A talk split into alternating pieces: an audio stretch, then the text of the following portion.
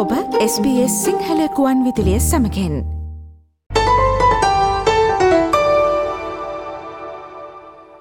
ඔස්ට්‍රලියාවේ federal මැතිවරණය හෙට දිනට යදී තිබෙනවා. මැතිවරණ වේදිකාවේ අවසන් පැය කිහිපෙන් නවතම උණුසුම් තොරතුරු අදත් SBS සිංහල ගුවන් විදිලියෙන් ගෙනෙන මෙම මැතිවරණ කාලීන තොරතුරු විශේෂාන්ගෙන් ඔබ වෙතගෙනීමට අපි සූදානම්. බ්‍රහස්පතින්දා එනම් ඊයේ දිනේ මැතිවරණ ප්‍රචාරණය අවසානයේ සිදූ විශේෂ අවස්ථාවලට අවධානය යොමු කරමු.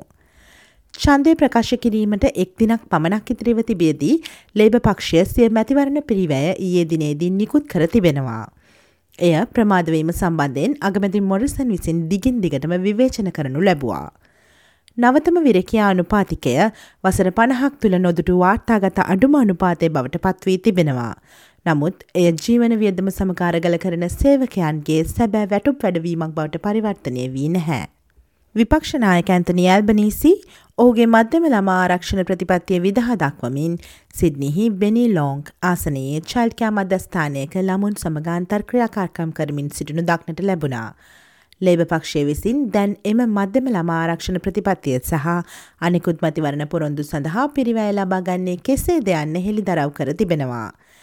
ඉදිරි වසර හතර තුළ ලිබරල් සන්ධානයට සාපේක්ෂව ඩොල බිලියන හතයි දශම හතරක් වැඩිපුර වැය කරන බවයි ලේබ පක්ෂය නිවේදනය කරනු ලබන්නේ.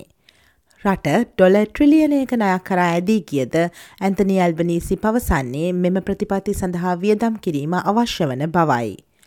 උද්ධමනය මත පීඩනයක් ඇති නොකර ඔබට වැටුප් වැඩි කිරීමට සහ ලාභයිපීම ඉහළ නැංවීමට නම් චයිල්් කෙයා හෝවේවා එය කලීන් එනජි හෝ කුසලතා හෝ පුහුණුව යනාංශ හෝවේවා අවශ්‍ය වන්නේ ඔබගේ පලදායිතාව ඉහළ නැංවීමට වග බලා ගැනීමයි. යනුවෙන් ඇන්තනි ඇල්බනීසි මහතා කියා සිටියා. The way that you uh, can boost wages and boost profits without putting pressure on inflation is by making sure that you boost productivity, whether it's childcare, whether it's clean energy or skills and training. ඩොල බිලියන එකොළහයි දශම පහක අයවැය වැඩි දියුණු කිරීමේ අරමුණින් ලේබ පක්ෂයේ ආණ්ඩුවක් මගින් නාස්තිය වලක් වනු ඇති බව විපක්ෂයේ බාණ්ඩාගාරික ප්‍රකාශක ජිම් චාමස් පවසනවා. ඔවුන්ට අවශ්‍ය වන්නේ ලිබරල් නැශනල් සන්ධානයේ අයවැයේ ඇති නාස්තිය වලක්වා ගුණාත්මක ආයෝජන සහ ආර්ථික වර්ධනය සඳහා එම පිරිවැයේ දෙවීමට බව ඔහු වැඩිදුරටත් කියා සිටියා. We want to unwind the slush and the waste and the rorts in the Liberal National Budget and we want to redirect that towards spending on quality investments. Liberal සන්ධානය මේ සතිය මුලදී සිය මැතිවරණ වියදම් ප්‍රකාශයට පත් කරනු ලැබවා. විපක්ෂය විසින් අවසන් මොහොතේ සිය මැතිවරණ වියදම් ප්‍රකාශයට පත් කිරීම ස්කොට් මොරිසන් විසින් ප්‍රතික්ෂේප කළේ මෙලෙසින්. මෙතරම් ප්‍රමාද වෙලත් ලේබ පක්ෂය සිය මුල්ල පැහැදිලි කිරීම කොටස කොටසා මුණමින් සිටින බවකුයි පෙනෙන්නේ. ඔවුන් කරන්න යන්නේ හිඟය ඩොල බිලියන හතකින් වැඩි කිරීමයි. අපි අපේ මැතිවරණ වියදම් ඉදිරිපත් කරන විට අපි මෙම හිඟය ඩොල බිලියනයකින් අඩු කිරීමයි සිදු කළේ යනුවෙන් ස්කොට් මොරිසන් මහතා වැඩිදුරටත් කියා සිටියා. But at this very late hour, we've seen a piecemeal attempt to explain Labor's finances. What they are going to do is increase the deficits by $7 billion. When we released our costings, we were reducing the deficit by a billion dollars.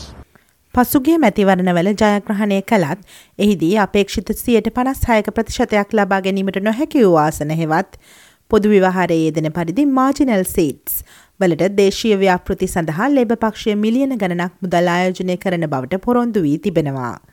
වියදම් ආපසු අය කරගන්නා බව පවසමින් ක්‍රීඩා ව්‍යාපෘති සහ කාපාක් ව්‍යාපෘතිවලට ලෙබ පක්ෂය විසින් දැඩි ලෙස විවේචනය එල්ල කරනු ලැබවා. නමුත් ඔවුන්ගේ මාජිනල් සීට් සහ ජයග්‍රහණ ඉලක්ක කරන ආසන හෙවත් තාගට් සීට් සොලදී ඔවුන් මෙම ව්‍යාපෘති සඳහා අති මහත් ලෙස යොමු වී ඇති බව දක්නට ලැබෙනවා. ආර්ථිකය සම්බන්ධ ෆෙඩරල් විපක්ෂයේ ප්‍රකාශිකා කේටි ගාලක පවසන්නේ වෙනස පවතින්නේ ලේබ පක්ෂයේ විනිවිත භාවය තුළ බවයි. මම හිතන්නේ මැතිවරණ ව්‍යාපාරයකදී පොරොන්දු ලබා නොදේවි කියලා කිසිවකු බලාපොරොත්තු වන්නේ නැහැ. පසුගිය කාලේ ආණ්ඩුවේ සෑම විපක්ෂයක්ම කලා වගේ අපි තේ සිදු කරනවා. අපි ඉදිරියෙන් සිටිමින් පැහැදිලි ලෙස කටයුතු කරමින් ඒවාට යන වියදම දරා ගැනීමටත් කටයුතු කරනවා. යනුවෙන් කේටි ගාලක වැඩිදුරටත් පැවසුවා.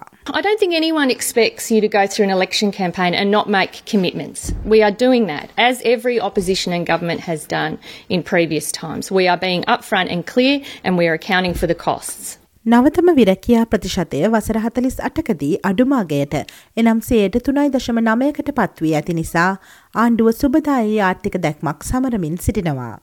එය පසුගිය මාසේදී තාක්ෂණික වශයෙන් අත්කරගත් ජයග්‍රහණයක්. සංඛ්‍යාලේඛන කාර්යාංශය දැන් මාර්තු මාසයේ වූ සියයට හතරෙහි ප්‍රතිශතය සියයට තුනයි දශම නමය දක්වා සංශෝධනය කරමින් සිටිනවා. අපගේ ආර්ථික සැලැස්ම ක්‍රියාත්මක වෙමිනුයි තියෙන්නේ. ඔස්ට්‍රලියයානුවන් වාර්තාගත මට්ටමින් වැඩ කරනවා. අපි මීට පෙර මෙතරම් ඔස්ට්‍රලියනුවන් වැඩ කරමින් සිටිනු දැක නැහැ. යනුවෙන් ස්කොට් මොරිසන් මහතා පවසා සිටියා. Our economic plan is working because Australians are working. and Australians are working at record levels. We have never seen so many Australians in work before. ලේබ පක්ෂයේ ආර්ථික ප්‍රතිපත්තිවලට එරෙහිව ආණ්ඩුව විසින් ප්‍රහාර එල්ල කරනු ලබන අතර ඔවුන් පවසා සිටියේ ඇල්බනීසි යටතේ එය පහසු නොවනු ඇති බවයි. It won't be easy under Albanese යනුවෙන් කියමනක්ද මෙයින් සමාජගත වුණා. මෙය විපක්ෂනායකවරයාගේ විවේචනයට ලක් වූයේ මෙලෙසින්. ඊය රාත්‍රියයේ මට ඒ ගැන සඳහන් කලාය ඇතුළුව මගේ නමට සමාන වාර්ගික නම් ඇති හෝ සමහර විට ටිකක් බාල නිසකවම වයසින් වැඩි අයට සිදුවී ඇත්තේ පාසලේදී ඔවුන්ගේ නම් විහිළුවට ලක්වීමයි. මෙතනදී සිදුවනේ එයයි. I'm suggesting that uh, a number of people, including people mentioned it to me last night, uh, people who have uh, ethnic names of my age or perhaps a bit younger, certainly older, uh, had uh, people make fun of their names at school. That's what happened. අග්‍රාමාත්‍යවරයා පවසන්නේ Albanese මහතා අඩුවෙන් වටිනා කෙනෙකු විය යුතු බවයි. ඇන්තනීගේ චෝදනාව මම පිළිගන්නේ නැහැ. පසුගිය මැතිවරණයේදී ලේබ පක්ෂේ නායක බිල් ෂෝටන් වෙනුවෙන් අපි ඔයාලට දරන්න බැරි බිල The Bill You Can't Afford කියලා කැම්පේන් එකක් තිබ්බා. ඇල්බනිසි එච්චර වටිනවනම්. එයට කැම්පේන් එකක් හැක් කරන්න බැරි නම් කොහොමද දෙයනේ මේ රට පාලනය කරන්නේ. යනුවෙන් මොරිසන් මහතා කියා සිටියා. I, I don't accept um, um, Anthony's uh, accusation. I mean, at the last election, we had a campaign that said the bill you can't afford. If he's that precious and he can't hack a campaign, then how on earth is he going to handle running this country?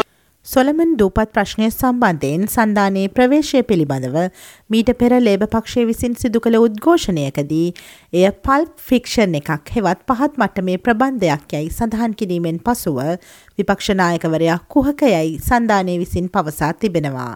ඊට ප්‍රතිචාර දක්වමින් සන්ධානය විසින් senate සභික said සෙසල්ජා සොලමන්ස් වෙතේ වූ බව පැවසූ ඇල්පනීසි මහතා වැඩිදුරටත් කියා සිටියේ සෙඩ් කියන දේ ඇහෙන හැම වෙලාවෙම මම හිතන්නේ පල්ප් ෆික්ෂන් ගැන විතරයි යනුවෙන්.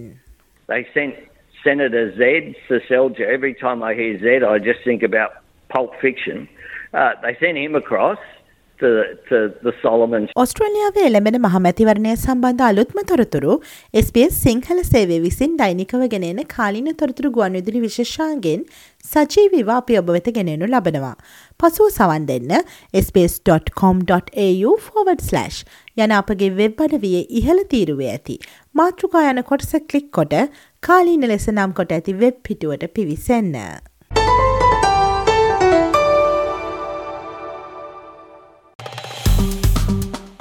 ලයි කරන්න ෂයා කරන්න අදහස් ප්‍රකාශ කරන්න SBS සිංහල ෆස්බුක් පිටුව ෆලෝ කරන්න.